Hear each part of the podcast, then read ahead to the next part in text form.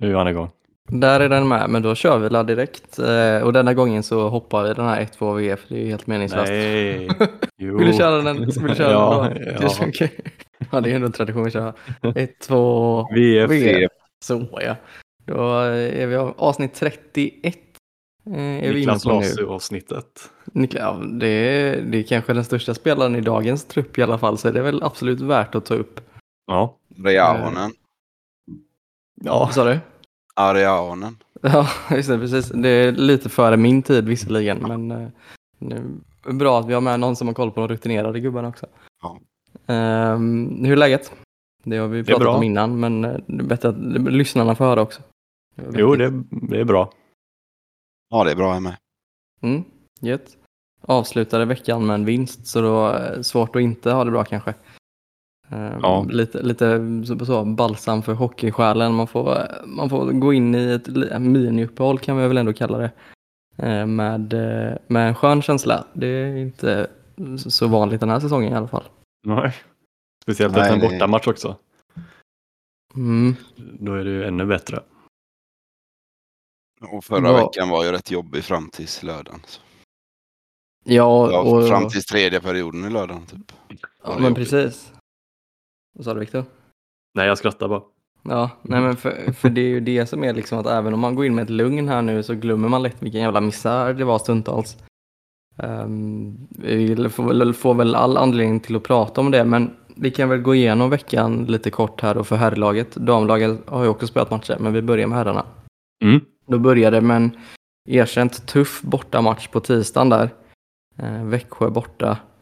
Och eh, för ett Frölunda som har hackat på bortaplan så finns det kanske inte en svårare uppgift. Vi har väl inte vunnit en match på ordinarie tid sedan typ 2015?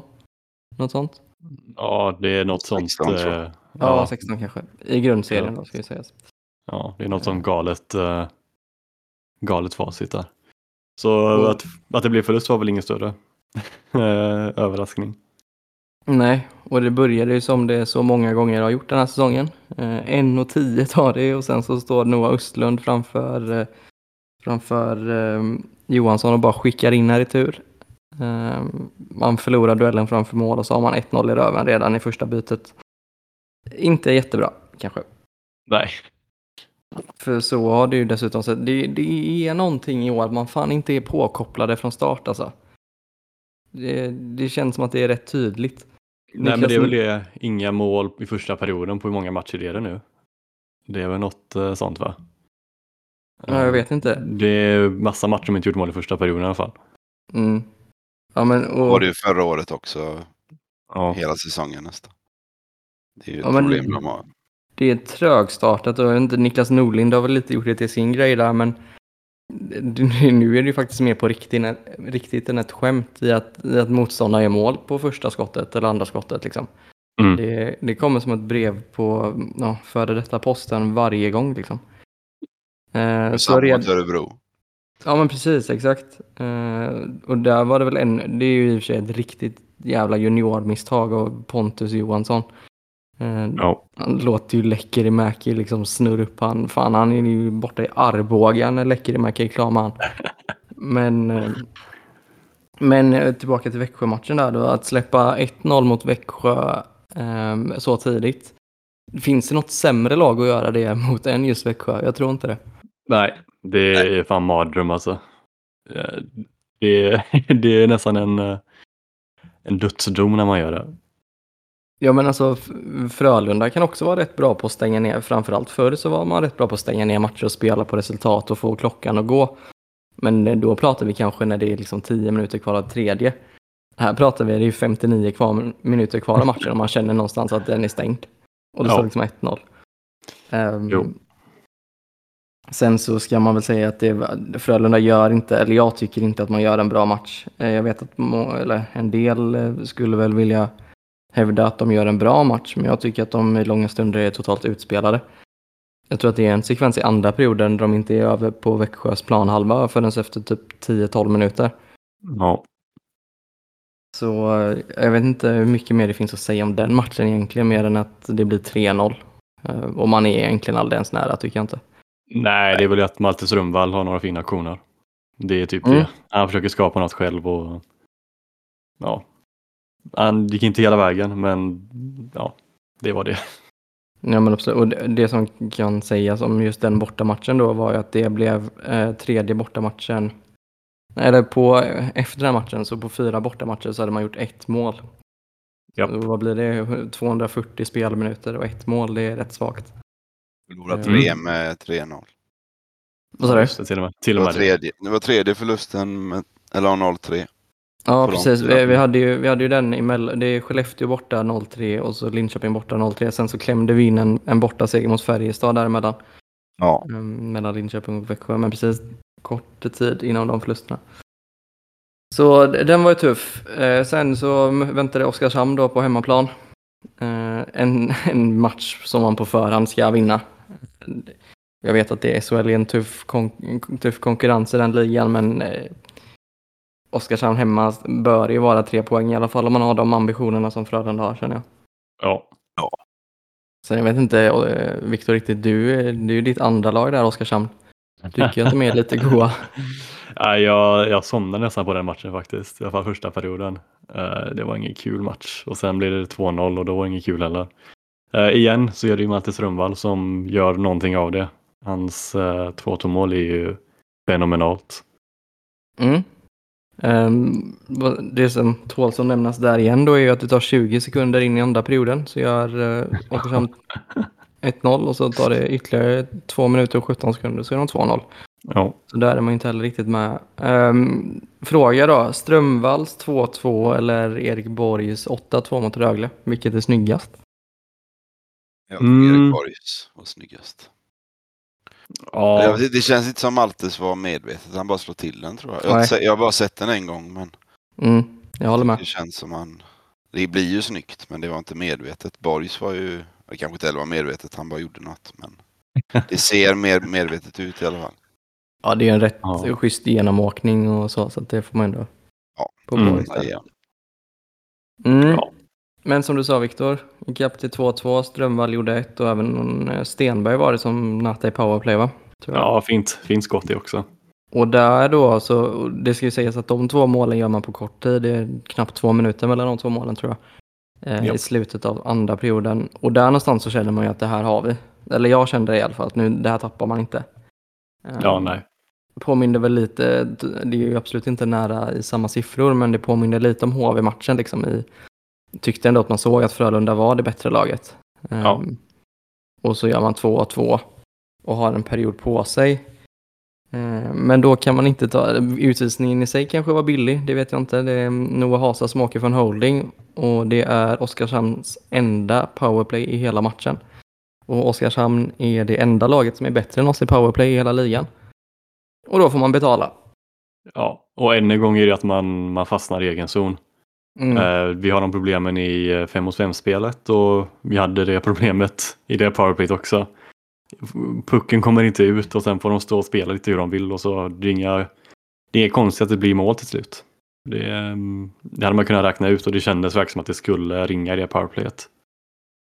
Mm, ja men precis. Och då står man där 3-2. Man, kom, alltså man, kom, man är väl nära på att kvittera men man får två powerplay till men man når aldrig fram och så har man förlorat två raka varav den ena då första hemmaförlusten hemma mot Oskarshamn. Och då ska vi se, de har spelat en, två, tre, fyra, fem, sex, sju matcher och på de sju matcherna så har man lyckats ta fem poäng. Där och då så, jag är själv skyldig till det men eh, Roger Rundberg och ledarstaben och övriga organisationen kritiseras, kritiseras rätt hårt. Mm. Ehm, vad kände ni där efter den i torsdags? Åh, Jag kände då, där kände jag att han bara skulle sparka Roger. Och... Men jag, jag kan jag, alltså så nära in på i matchen så kan inte jag tänka rationellt överhuvudtaget. Nej. nej. Man blir ju, det blir jävligt negativt. Ja, och det, det är ju självskyldigt det liksom. Jag var exakt samma banor som du Erik och lite med, med lite distans på det så kan man väl se på det lite mer nyanserat. Sen så jag är fortfarande inte helt såld alltså, men, men som du säger att just i ögonblicket så, så brinner det ju till liksom. Så man får väl ta det som skrivs just i sådana sammanhang med en liten nypa salt. Jo, så är det ju. Men, men som vi har pratat om så många gånger innan, liksom att eh, fan där så känner man ju hur långt, hur illa ska vi behöva gå innan, innan man gör, förändrar någonting i ledarstaben. För det här känns som att det har varit på gång ett tag. Den här typen av dipp. I alla fall om man tittar till grundseriehistoriken senaste åren och då, då står man där och är liksom, och så framförallt efter i torsdags då, när Roger går ut i en artikel i GP och säger att nej men fan jag tror på det här laget, det kommer, det kommer bli bra på sikt. Mm. Och vad, Ja. menar han med bli bra på sikt? Menar han att ja, men vi kommer vara så pass bra att vi lyckas undvika kval i mars? Eller menar man att nej men jag tror att vi kommer konkurrera om ett SM-guld i, maj liksom? För så Ja. som det ser ut helt ärligt så är det ju faktiskt det förstnämnda att så här, hur, att liksom överleva, överleva, kanske, kanske i bästa fall knipa en topp 10-plats liksom. Så som det såg Mm. ut där och då. Ja, det var ju känslan då. Ja. Och det är känns väl- ju som Roger, han, att de, han säger det i fel läge. Liksom. Att, det kan man säga om man ligger femma, fyra, femma typ. Och har ambition för guld. Mm. Mm. Att detta kommer bli bättre i längden. Men när man ligger nere, ja, i snittpoängen låg de där 11 där eller 12 efter den matchen tror jag. Ja, precis. Och Det känns ens som det- att då, då, då vill man inte höra en sån grej. Nej, Det, jag tror det blir bättre i- längre fram liksom. nej Det är väl precis. den här eh, konstanta jakten att hitta formen i slutspelet och toppa formen. Men det är väl ingen idé om man inte ens ligger på slutspelsplats då. De Nej. kanske Nej. satsar, satsar på vara bättre i nutiden, att det ska se bättre ut på sikt och ta betalt som man snackar om hela tiden. Ja, alltså på tal om det så måste jag bara sticka in. Jag såg ett helt magiskt inlägg i Frölunda-köttet. Den den fantastiska gruppen. Det var någon som liksom konstaterade att Nej, men fan, det är lugnt. Det är lugnt att det ser ut så här nu, för det är ju i slutspelet sen som det ska vara bra. Ja, Jo, jo. det- man ska ju ta sig dit också kanske. Typ som att Ja. har en sån, typ som folk som har frågat om CHL i år, liksom, som att vi har en automatplats. Det är ju inte riktigt så. Ja, det- nej. Ehm, nej. Men vi kan väl hänga- kvar lite vid det. För nu så känner jag, vi pratade lite om det i våran, våran messengerchatt här efter Örebro, att nu kortsiktigt så är det ju resultaten man behöver. För att någonstans skapa lite luft neråt. Och det är ju hemskt att behöva säga liksom att det, är det, att det känns som att det är åt den änden man ska titta neråt liksom och se hur långt det är ner istället för hur långt man har upp. Men och, och det är väl det som är det svåra här då, att även i en 3-1 vinst mot Örebro att fortfarande kunna behålla lite kritik och vara kritisk och inte bara vara så här, nej men fan Roger han har koll på det här, det löser sig. Jag tror ju genuint att det måste hända någonting i den här truppen eller i organisationen för att det inte ska bli en riktigt, riktigt tuff säsong. Jag vet inte vad ni känner, men jag känner att fortsätt, absolut vi saknar Innala, men kommer Innala gå in och vända på det här? Det jag har svårt att se det. alltså. Ja, Jag känner väl lite samma. Men... Jag kände det direkt efter Örebro att nu vänder det. Och... Alltså, jag är ju så jävla upp och ner i känslorna när det kommer till det. Mm. Det räcker med en dålig match så är allt skit och sen blir det en bra match så är allt toppen. Och... Ja, men Så det är ju lite... på, torsdag igen om de släpper ett tidigt mål så kommer ju vara exakt Ja, men likadant precis. som mot Precis. Oskarshamn. Liksom. Det är väl kanske lite det som är hela grejen då. Att så här, ja, alla, alltså alla lag i den här ligan, även de som är riktigt, riktigt dåliga, HV och Oskarshamn, som ligger där nere, de kommer vinna matcher. Och jag menar att Frölunda vinner en match borta, det, det får man ju hoppas att de fortsätter göra då och då. Men man vill väl kanske se en annan typ av stabilitet, just som du säger då att så här, man gör en bra insats nu senast mot Örebro, i alla fall sista två perioderna, men det är ju inte så mycket värt om man då följer upp det med att torska 4-0 mot Modo på fredag eller torsdag. Liksom. Alltså, det, man behöver hitta en, en, en jämnare nivå en, och en bättre nivå framförallt för att jag ska tro på det här långsiktigt. Ja. Sen så, som sagt, det var väl lite hetskt på Twitter där. Jag vet att du och jag och Erik var väl inne i en disk eller Niklas var väl inne i en diskussion just kring att så här, ja, antingen kan man ju välja att inte göra någonting, lita på att det här löser Det kommer se jävligt dumt ut om vi landar på plats 13 och kvalar sen liksom i mars. Men då har man i alla fall haft tillit till laget och så har man chansat på att inte göra någonting. Alternativ två är ju att, att värva in någonting. Och alternativ tre är ju att skicka av någonting i ledarstaben. Och förslagsvis bör man göra två innan man gör tre. Men sen så, alltså så här, ja, jag, jag vet, det är skitsvårt och så här, det är ju liksom, v- vårat jobb som supporter är väl att ha åsikter, vi sitter ju inte på facit liksom. Men min Nej, känsla är ju att en center är vi av desperat behov. Men det ser väl alla egentligen. Men det, har man ju vetat om, ja, men det, men det har man ju vetat om hela tiden att vi, bara, att vi behövt en center. Jag vet inte riktigt vad man sitter och väntar på. För ska man sitta och vänta på det här med uh, unconditional waiver som kommer om en månad. Vad ligger vi för position då? Kommer det spela någon roll om vi plockar in någon, ja, typ Elias Andersson? Som jag, ska man sitta och vänta på centern så vet jag inte. Nej men precis. Det, det blir så jävla knepigt för att det, nu är det i och för sig uppehåll här en stund. eh, och inte supermånga matcher sen till första december. Men det kommer ju ta ett tag innan de spelarna kommer in och gör avtryck ändå. Så jag vet inte, Centern ska in nu liksom. Och sen, sen får vi se. Mm. Ja, men, ja, för det är också det liksom ett så här. Ja men okej, en center för att kunna, alltså en spetscenter, det ser man. Men sen så har vi också spelare som vi inte får ut det man måste få ut. Alltså, Carl Klingberg började jättebra, men han Mm. måste upp i nivå. Henrik Tummenäs har gjort 9 eller 10 poäng, men han är ju fortfarande inte ens i närheten av den nivån han är kapabel till. Nej. Linus Högberg likadant, började fint och dalat av. Linus Öberg är en spelare som jag tycker inte riktigt får chansen i rätt miljö. Det är inte så lätt för honom att prestera, men det är också en spelare, alltså Linus Öberg är en spelare som spelade i Örebros första powerplay i fjol, i, i fjol och, och gick i första kedjan liksom centrad av Abols. Det blir lite annat när han får liksom leka med Erik Borg och Erik Torell. Japp. Ja, Då kanske Skillnad. man inte kan kräva att han liksom går och gör mål spelt ofta för att det det där är, ja, det är en svag, sva- svaga, eller i alla fall formsvaga. Ska väl inte såga dem längs med fot, fotknölarna så för de kan säkert bättre men just nu så ser det inte mer än hockeyallsvenskt ut där liksom. Så att, Nej, men det blir just också att man förutom ja, Strömvall och sen kanske typ Filip Hasa förra säsongen, alltså man har inte sett någon jätteutveckling på spelarna som har kommit in senaste åren. Uh, Strömvall vet liksom, han, han går väl mest liksom på hans skicklighet. Sen om man ska tränas in i systemet ett halvår till, hur kommer han se ut sen? mm. Det är liksom... Ja. Det, Ja, det- det är en jävla sörja alltså, det var det. Det var ju det som kändes bra inför säsongen. Att, eh, eller det kändes ju bra då man, när man kollar truppen och så här. Men det var ju Mm. jävligt många om. Mm. Och alla Jo. de ommen har ju, ingen har ju blivit ett utropstecken typ. Förutom Innala och Strömberg. Ja, Innala. Ja, Innala har i och för sig varit bättre i Ja, år han- än förra säsongen. Ja, ja, självklart. Men de andra så har det ju inte varit, det är ingen som har blommat ut liksom. Nej. Nej och det Det var ju mycket chansningar. Som, och man såg Jo. det positivt innan, man vill ju vara lite optimistisk liksom. Jo. Alltså Ja, men- Edström har ju varit, eller Edström har ju varit eh, fin också. Men det är också de är unga gubbar. Liksom. Det är de värvningar som har kommit in. Torell, Öberg, Högberg. Visst, de var ju fin, Ö, Öberg och Högberg var ju fina i början men sen liksom, de hamnade i någon svacka. Alltså jag vet inte.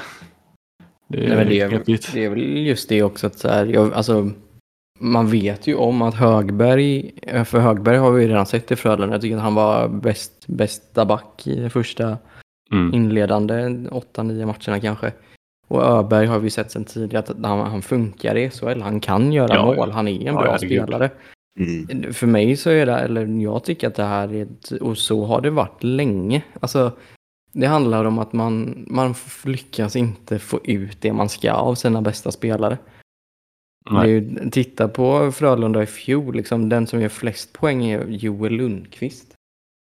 Och fan, jag tar skott för den mannen, men det är kanske inte han som vid 41 års ålder ska leda den interna poängligan. Nej, Då känns det ju mer som ett systemfel eller något annat. Ja. Sen hade Mm. väl Friberg gått förbi honom om han var skadefri. Ja, vara, ja men om det, man ska vara men- petig. Absolut möjligt, men det är liksom ändå så här. Jo, då, då hade han kanske varit tvåa liksom. När man Ja. sitter på spelare som Innala och Greco i fjol till exempel. Ja, exakt. Lash och, ja, så att det känns som att ja, jag vet inte vad det är, men man, det, här, det här laget hade nog mått bra av en ny röst någonstans. Sen vilken position den rösten kommer in på, det är svårt att säga. Men det snackade vi om förra veckan också med att man förlänger Näslund. Det kommer nog ta, ta, ta ett tag. För om Ja, man men förlänger, alltså om man förlänger en, eh, en coach. ja, om man förlänger en coach då vet jag inte om resten ryker eh, efter två veckor. Nej, det är väl, det är väl, alltså det är ju bara en tidsfråga innan, innan Roger. Jag har jättesvårt att se att, att Näslund skulle sitta längre än Roger. Mm. Alltså det och, och egentligen också så, ja har man förlängt med Näslund till 27 nu då, då får man ju förlänga med Roger också för det är ett helt obegripligt beslut att förlänga med en assisterande. Alltså säg att vi skickar Roger då efter 25 och plockar in en ny huvudtränare. Ska han komma in och inte kunna välja sin ledarstab själv då? Ja, precis. Alltså det är ju också, och då är det så här så att ja, allt pekar väl på att vi ska förlänga Roger och då Ja Alltså Ja, nej, men man har ju satt sig i den sitsen nu. Och det är... eh, Jag gillar ju att köpa ut kontrakt så kanske får göra det 2025 då. Jag vet inte. Men det, det är väl jättehedersvärt det här med och jag tycker att någonstans så är det det är rätt sätt att jobba, att jobba på ett långsi- alltså med långsiktiga perspektiv och, och försöka bygga kontinuitet i föreningen. Absolut. Det, det är fint, det är bra, men man får inte glömma att det handlar också om personer som har varit, alltså Roger har varit i föreningen i 10 plus år, alltså liksom så här, när går det till... De har, ju- de har ju haft den liksom. De, behöver de, har ju redan visat, de har ju redan visat kontinuitet liksom. Precis, exakt. Att det Det- kanske, att alltså kontinuitet behöver ju inte vara att man sitter på samma tränare i 25 år, alltså det kan ju vara att, att man faktiskt vågar då göra en förändring och kanske skriver ett längre kontrakt med en ny tränare. Mm. någonstans så måste det ju vara resultat eller prestationsbaserat även om man har en vision om att ha samma, samma stab och så- alltså, liksom, som sagt då bygga på, på samma personer inom föreningen. Så i det här läget nu då, det finns inte en människa som kan ha ett vettigt argument för att Näslund ska ha till 27. Nej. Nej. Ja, det, alltså det är en grej om man hade förlängt med han längre fram om det såg bra ut liksom. Men just Precis. nu efter den här hösten, bara slänga in det kontraktet i... i Ja, och, och, så kommer det få, och så leker man lite djävulens advokat och så säger man att ja, men, nej, men det var antingen så kunde man förlänga nu eller så ville han inte förlänga alls. Och så ville man gärna förlänga med. Men då skriver man ju inte till 2027, då skriver man ju max till samma längd som Roger har. Ja. Så att, och det, det, där måste ju Sjöström hållas till svars. Sen vet jag inte om Ja. det är han ensam som sitter och, och tar de besluten, men, men det, det ska ju... Jag menar, är jag Näslund i det scenariot och någon kommer att kasta ett treårskontrakt på mig, det är väl klart att jag tar det. Ja, det är ju självklart. Så Det- det, det är som det- Jag det- sig också. Alltså han har ju en historia av att skriva långa kontrakt. mm, Jag kommer inte ihåg på rak arm vilka nu, men Grönlund skrev en alldeles för långt kontrakt med. jag var vid fem år med Rydahl. Alltså, Lentz blev ju ganska Och långt. Lentz, ja, den, ja exakt. Det, Mursak var väl också en sån va? Ja. Mm. Eh, så nej, och nu, ja, jag vet inte. Det, det, det kan, man kanske hade må- mått bra av ett nytänk någonstans. Mm. Eh, men det, det är väl någonting som genomsyrar hela organisationen, att man är inte man är inte så mycket för förändra eller göra hastiga beslut. Vare sig om det gäller matchcoachning eller, eller liksom truppbygge på lång sikt. Att så här, man litar på sin idé och så får det bära eller brista lite. Trust the process. Åh, den jävla processen. Jag är trött på den. När vi ändå pratar sportchefsbygge då, du kom ju med lite intressant info i morse, Viktor. Eh, Mr Madhawk och Sunny i sin senaste podd har Ja. gått igenom lönebudgetar. Ja, det är väl liksom, det är inte eh, exakt på, på eh, kronan, men i, eh, generellt då så är ju Frölunda enligt hans beräkning femma i eh, lönetabellen i SHL med 53 miljoner. Mm. Eh, Det var Färjestad var sexa med 52 och sen tror jag det var Rögle som var fyra. Så man ligger ju där uppe. Dyrast var Leksand enligt han. Leksand och Linköping. Ja, men Lin- Linköping är ju inte svårt att se att de är dyrast. Det, Nej. Nej, Leksand var ju dyrast men Linköping var näst dyrast. Jag tror inte det skiljer så mycket mellan dem. Mm. Men eh, nej. Alltså jag hade nog tänkt att de skulle vara lite längre upp faktiskt. Men Frölunda? eh, ja, jag vet inte, alltså plocka in Tummenäs, Strömvall. Eh, Torell, alltså Öberg är ändå en del spelare som kom in. Tappar ju för sig Lash och Joel. ja, Precis, Men jag ändå. skulle säga att jag hade nog förväntat mig att de skulle vara längre ner. Ja. Uh, I och med, alltså nu vet vi ju inte riktigt vad så en sån som Högberg sitter på. En sån, alltså Malte, Nej. Malte, Tummenäs och Rydahl, de kan vi nog räkna på minst typ 300. Skulle jag gissa. ja. Och sen Klingberg någonstans på 200 då. Ehm, Rimligen. ja, Linus Öberg är nog inte billig. Högberg är antagligen inte billig heller. Men sen så har Nej. man ju liksom nästan, ja, vet du det? Två juniorkedjor tänkte jag säga. Men alltså Stenberg, Edström och, och Born kostar ju inte många kronor. Nej. Filip Hasa, Pontus Johansson, Hens, Linderoth kostar inte heller många kronor. Nej. Borg kostar bara- nog inte så mycket. Vad sa du? Borg kostar nog inte så mycket. Nej, Borg, Nej. Borg precis. Han spelar nog Eh, gratis tror jag. Med hans eh, entusiasm spelar han nog gratis. Jag tror Men eh, sen så sa ju Maddock också att det finns utrymme för några miljoner till. För den här centern då.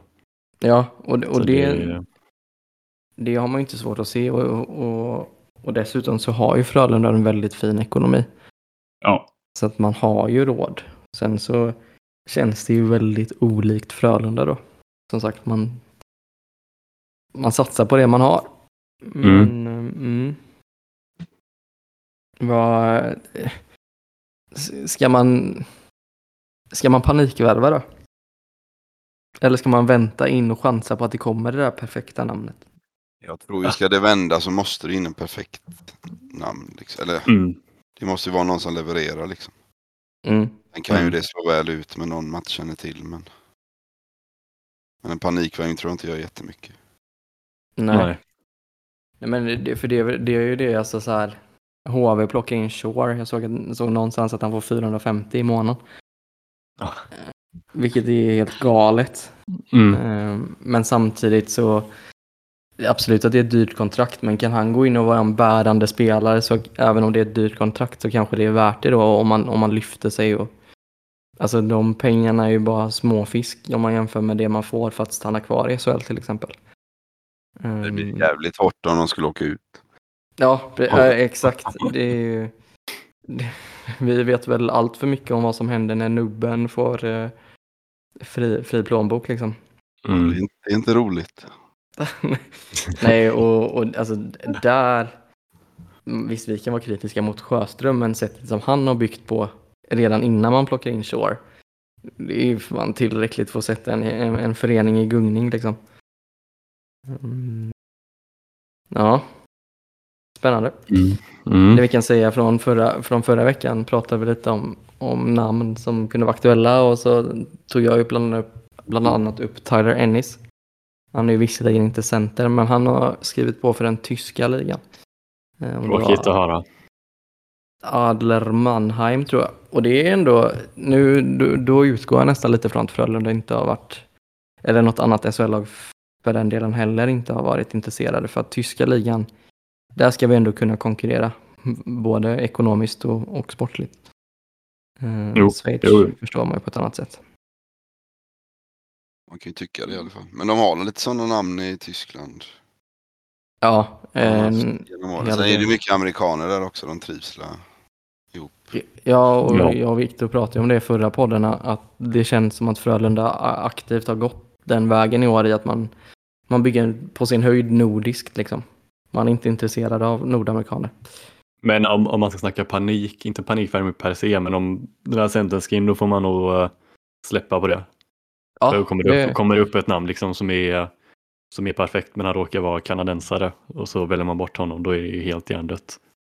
Precis, men och där, då är det ju lite samma som som vi snackade om förra veckan då, att så här, säga att det kommer upp, upp den perfekta centern och han är nordamerikan. Då kanske man ändå ska överväga att försöka plocka in en vinge till eller någonting.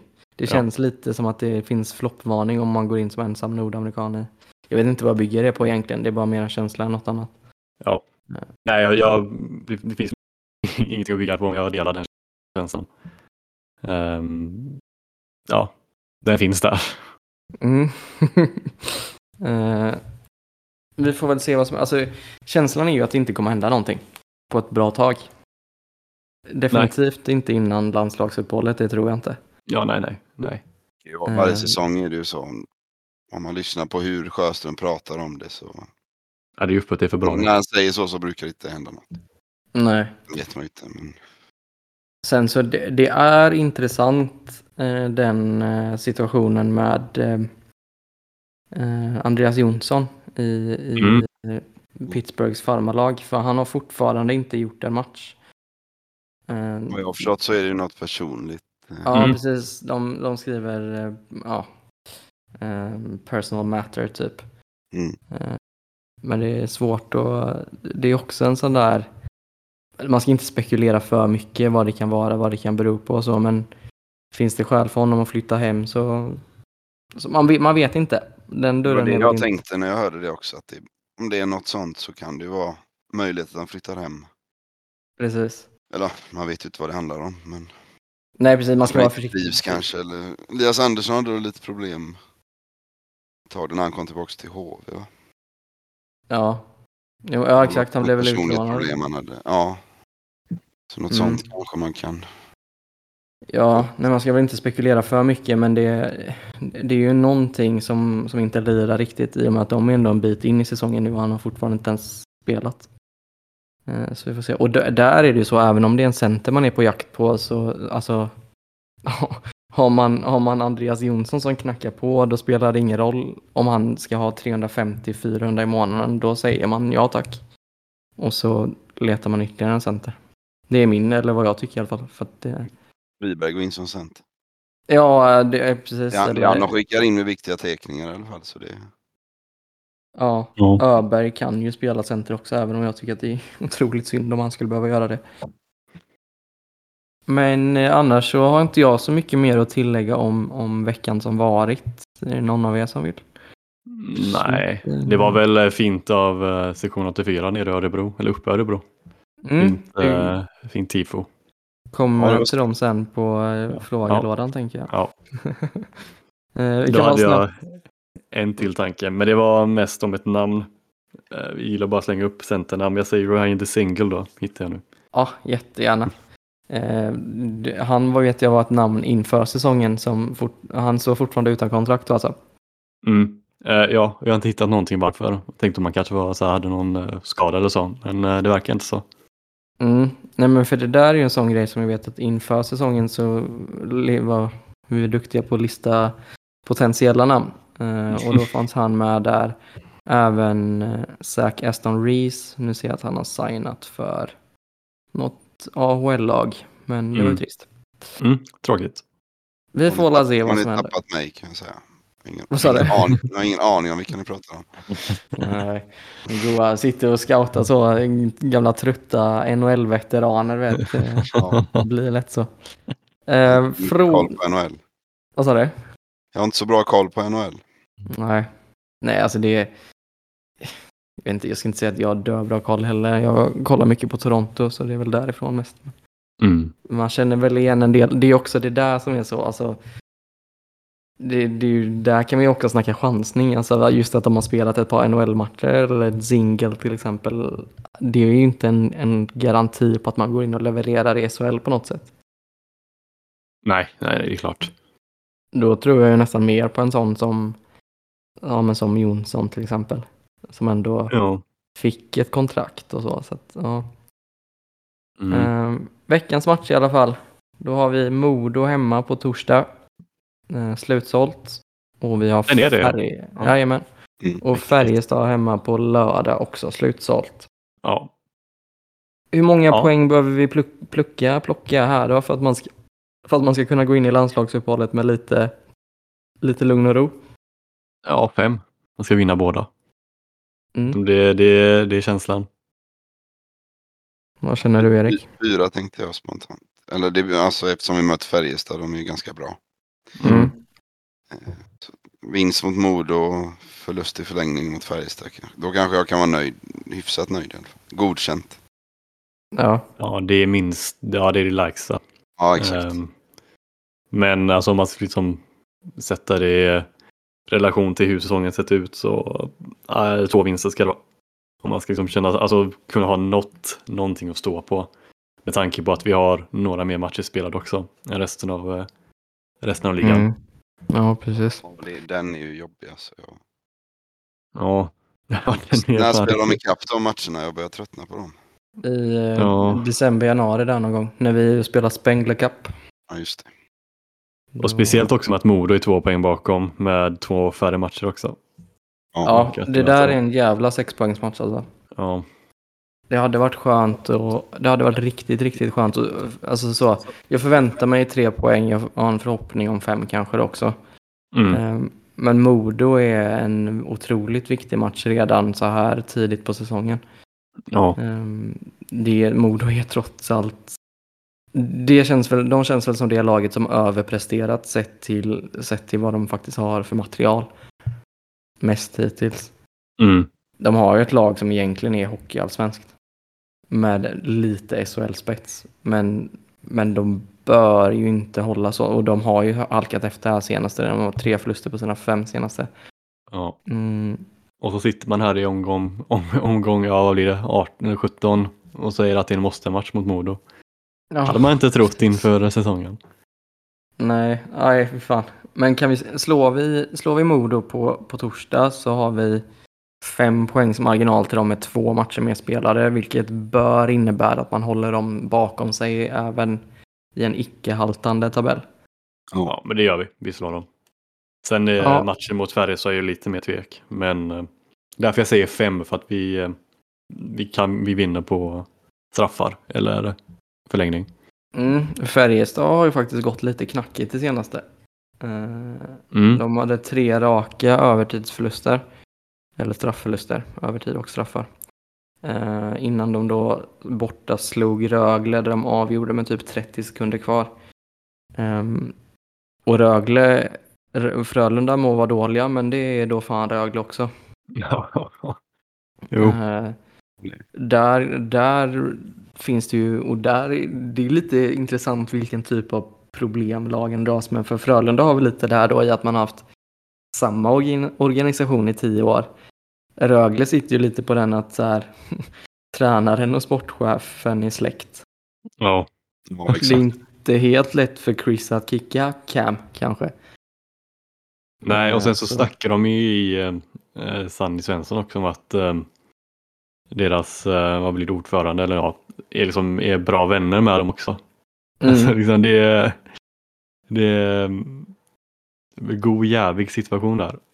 För kan ju inte spara, ja, jag ska inte lägga för mycket energi på dem. Det enda jag tänker med dem är väl att eh, hur troligt det är att man kan plocka, plocka Ryfors från dem. Men det tror jag inte är så jättetroligt med tanke på hans eh, an, antagna lön. Nej, och det... På tal om folk som, alltså så här. Det finns ju en viss spelare i Frölunda som bor, liksom som är Karlstads största hyresgäst. Han bor väl helt gratis i ett x antal tusen huvuden.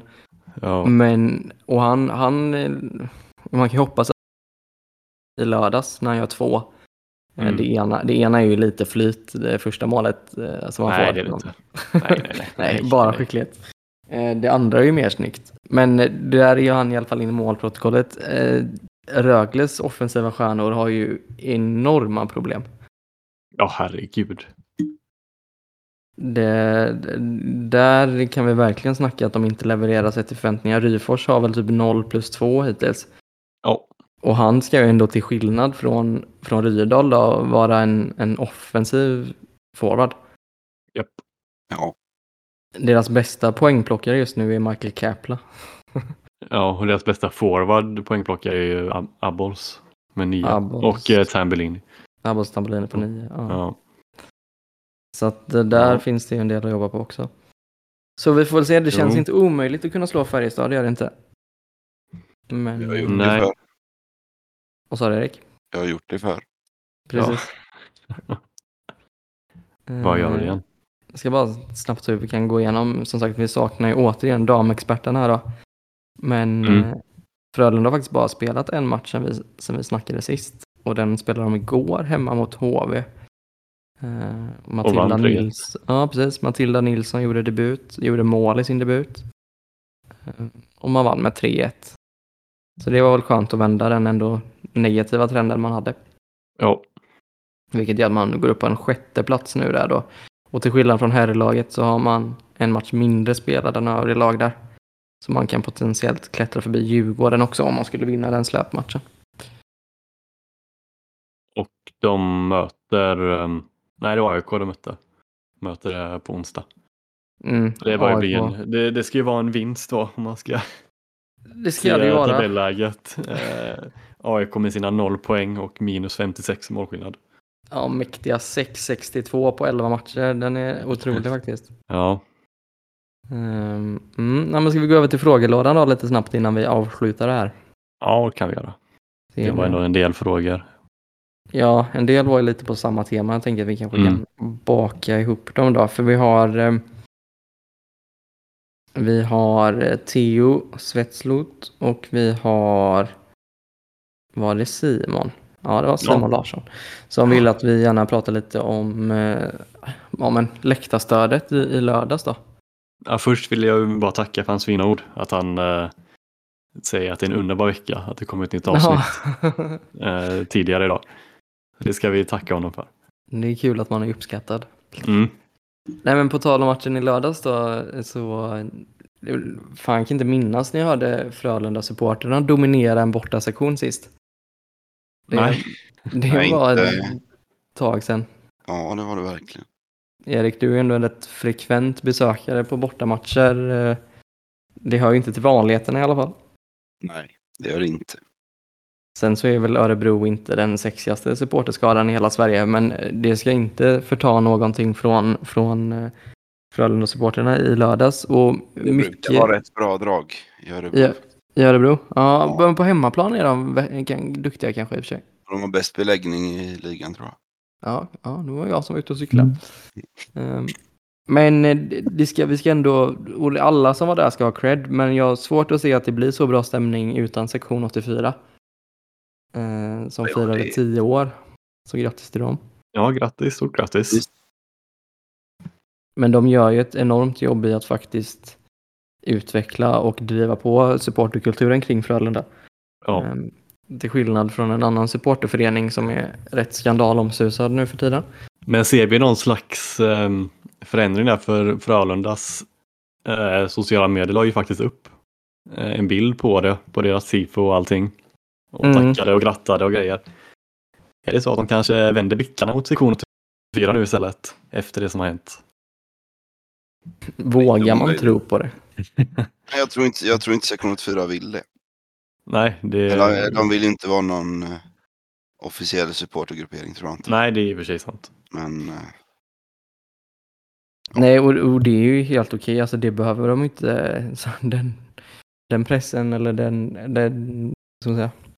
Man behöver väl inte placera in dem i det facket liksom. Men det hade ju varit bra i och med att det blir sån rejäl skillnad när de faktiskt drar på och när de kör så tycker jag att det är synd om man låter det bara försvinna ut i ingenting. Liksom. Att, att Frölunda, det borde finnas en betydligt bättre dialog. Det är fortfarande det här med, med en SLO då, som inte finns än. Liksom hur man kan underlätta för varandra och hur man faktiskt kan eh, liksom, bygga stämning i arenan. För det börjar ju med dem och sen så sprider det sig vidare. Liksom. Ja. Ja, Det är fruktansvärt kul ut, hur tyst det har varit om SLO'n. Det kanske är saker som sker bakom kulisserna. Men utåt har det varit väldigt tyst om den. Ja, eller så har de inte fått in några ansökningar typ. Jag vet inte. Nej, nej, ja, nej. Vem vet. Men ja, nej, men, som sagt, bra jobbat. Eh, sen, alltså, jag tror man ska vara försiktig och uttala sig kring, kring goa gubbar så här. Eh, det man kan säga är att det ser ju fan inte bra ut. Ja, det ser förfärligt ut. ja, det gör det. Det är... Ja. Och det är nästan värre, alltså det, det som gör det värre är att man, man liksom, man slår ifrån sig och det är taggarna utåt istället. Om man dubblar down så att säga. Precis, Man, det är liksom att så här, Det är väldigt eh, aggressivt intervju, eller aggressivt kanske inte, men väldigt... Eh, Jo, Ja, men jag skulle, ja, jag skulle säga aggressivt. Ja, jag skulle Ja. säga att det är aggressivt. Liksom, för att liksom alla deras, deras kommunikation utåt, de släppte väl något, ja, jag ska inte kalla det pressmeddelande, men de släppte in något slags uttalande via Goa Gubbars kanaler. Eh, som först var väl, det var väl något medlems, medlemsmail Som var Mm. helt förfärligt formulerat till att börja Ja. med. Ja. Eh, särskrivningar och mellanrum som inte stämmer överens och konstiga formuleringar. Swish med CH. Mm. Eh, till, ja. Eh, så att eh, de har ju satt sig i den här situationen där. Så för att, men det verkar ju så konstigt också för att det kommer, någon säger en sak som privatperson. Men sen säger goa gubbar som en enhet något annat känns det som. Och det är lite olika attityder och eh, toner på det. Jag vet inte. Det är, jag är inte förvånad om man säger så i alla fall. Att det har blivit, kommit till det här. Nej men alltså så här, det, det är också, det blir jag, egentligen så jag skiter i goa gubbar. Jag tycker att det är en supporterförening som är rätt daterad och som tveksamt om de ens tjänat sitt syfte längre liksom. Mm. Men, men man får inte glömma att det är ändå en, en gruppering och en, eller en förening som är väldigt starkt associerad med Frölunda som klubb. Jo, och, det. och deras agerande och deras liksom, ja, hur de beter sig och hur de gör, det, det, liksom, det smittar ju av sig. Det skapar ju en bild av... Det är inte någonting man vill associeras med liksom. Fan ha det så långt bort från oss som bara möjligt liksom. Ja, sen får man väl ändå intrycket att de flesta som ser goa gubbar ser goa gubbar och inte Frölunda supportrar som Mm. samma, samma grupp, vilket ändå kan ses som något slags positivt att man inte gör det i alla fall. Eh, Det är väl inte många ja, icke Frölunda supportrar som ser goa gubbar som en representation av oss. Nej. Nej, inte egentligen. Det kanske, är, det kanske var det här som krävdes. Nu kanske Frölunda verkligen måste sätta sig ner, ha en dialog och se hur man ska ta, ta det vidare. Liksom. Ska man ner, försöka bygga en gemensam ståplats, västra ståplats, eller liksom hur ska man, vad händer härifrån? Det, det får vi väl se, men det känns som att de är ute på hal is, GG. Jo, men Jag alltså tycker det, man ska göra det. Alltså att eh, pusha mer på västra ståplats. Mm. Ja. Sen får det vara vilka grupperingar alltså, som helst under det. Men att, för nu är det goa gubbar och sektion 84. Det finns liksom inget annat. Och det är, alltså man vet inte riktigt vilk, vad klacken heter ens. Liksom. Det är ju Nej, ståplats men det är inte många som vet om det. Mm. nej, alltså den Jag ska tänker ju, bara goa gubbar och sektion 84. Liksom det är väl så att typ alla andra eh, läktare fungerar i Sverige. Att de heter en sak och sen finns det grupperingar på läktaren. Men man kommunicerar ut det som ja, västra, ståplats, västra i det här fallet. Då. Vilket skulle vara det rimliga. Och man har ju snackat om det och vi har snackat om det. att Det här med den här röda väggen som man ville bygga upp när man hade samtal om, vad var det för två år sedan eller vad var det? Eh, Ja, det något var nog sånt. något sånt. Och- Ja, det var inför, efter pandemin där precis. Ja, exakt. Och det känns nu man börjar väl röra sig lite ditåt med levande sittplats. Och Erik, du sitter väl där och du har väl upplevt det mer än oss som sitter på andra ställen. Den är inte så levande. Nej. Nej. Den är ganska död. Och där måste väl Frölunda också försöka få det att fungera på något sätt. För att Ja. det, det finns väldigt mycket potential där om man kan få hela den bak eller hela den kortsidan och fungera som en, en enda ehm, grupp liksom. Jag tror det är lite för dyrt där. För det är, ett säsongskort kostar 4 000 och min uppfattning är att det inte är så många säsongskortsinnehavare där. Och ska du få en sån sektion till levande så måste det vara sektions eller säsongs eh, säsongsplatser liksom. Mm. För annars köper folk styckbiljetter så vet de inte vad det handlar om när de kommer dit. Ja, nej. Mm. De borde sänka priset där tycker jag. Och sen är det väl svårt för Frölunda att göra det till ståplats också. Så generellt bara. Eftersom det inte är deras arena. Jag vet inte. Men jag tänkte levande sittplats. Att det måste Ja, vara ja. mer eh, Ja, så sätt ja. Ja, ja så att precis. det blir något go där liksom. Ja.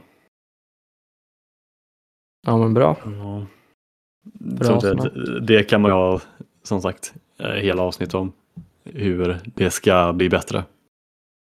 Ja, och samtidigt, samtidigt, eller både ja och nej, för samtidigt så krävs det ju också ett, engagemang från föreningens håll. Och kanske till och med Jo. även Gotevents håll, liksom, så att Jo, det är för många kockar inblandade på ett sätt också. ja, så är det. Vad, ska vi prata powerplay? Det gör vi så sällan i den här podden. Det händer ju inte Ja. alltid. Eh, Men Simon Lestander undrar, hur tycker ni PP1 och PP2 ska formeras när alla är friska och hela? Mm. Och det är ju svårt. Ja, svårt att ta den på uppsätt så nu. Eh, Jag gillar ju det man gör nu. Kan jag ju bara smita in och säga. Att jag gillar i att man spelar två backar. Eh, som jag gjorde sist Ja. med, med Hasa och Tummenäs. Jag tycker Mm. att det är... Frölundas problem har länge varit att man, man är så sönderlästa. Det, förra året så var det att Lash söker passningen. I år så är det att passningen ska komma tvärs. Antingen att, att Tummenäs hittar ut till Strömvall på direktskott eller ut till Innala på direktskott.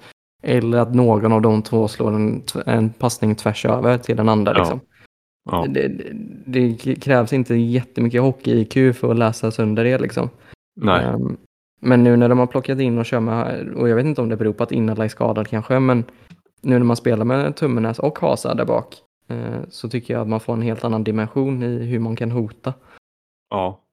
Ja, Så Det är, väl, ser Gärna att man fortsätter så. både, det är väl både på grund av att Innala är skadad och att Torell har varit borta. Mm. Eh, sen när Innala är tillbaka så kommer det bli, bara bli tummarnas antar jag. Som en quarterback som man kallar det. Eh, så Strömvall, Innala och sen Klingberg, Rydahl då. Det lär väl bli exakt som innan. Ja, Ja, och inte någon större skillnad i hur spelet ser ut heller. Eh, Uppbyggnad. Vi var, var väl en till fråga eh, om varför vi envisas med droppass när det är sönderlast. Eh, ja, alltså jag har ju inte ett, ett konkret svar på den frågan så. Däremot Nej. så har jag ett generellt svar och det är ju att man litar på sin spelidé. ja. Man litar på, alltså det, är det någonting den här föreningen gör så är det att den, den tutar och kör exakt som det är. Ja. är det, om det går, om det, när vi släpper in mål så är tänkandet typ att ah, ja, men nu släppte jag in mål så att det kan ju inte bli värre än att släppa in mål. Alltså så liksom, i värsta fall släpper vi in ett, alltså det är liksom så här man verkligen, verkligen litar på sin spelidé. ja. Det finns väl bo, något liksom både bra i det men också någonting otroligt naivt liksom. Jo, liksom, men det, det hade varit bra om man fortsätter med det om man såg att det funkade. Men den här droppassen är ju, ja den blir ju sönderlast som Martin Fröström säger. Hela tiden. Mm. Och liksom var det direkt också. Eh, Så, ja. Varför man gör det, varför man envisas, det som du säger, man, man tror på det men sen du kan, vi kan skicka den frågan till, eh, till Frölunda också. Se vad de säger. Ja, alltså så här återigen då, Frölunda ligger fortfarande över 30 procent i powerplay så att Jo, det är Det är ju det, men ändå, rikta- ändå sitter man och klagar på det för det, det ser inte ut som 30 Det, ser- procent. nej, det ser inte bra ut. Nej. Nej, precis. Det är väl det som är. Um, jag, Medan vi satt och pratade så också, jag var tvungen att kolla upp lite. På tal om Linus Öberg, så kän, det känns som en spelare som har otroligt mycket mer potential och som, som kan växla upp liksom, om man får rätt förutsättningar. Ja, Men det är också lite intressant i att man har den känslan samtidigt så är han på väg mot exakt samma projected stats som förra året.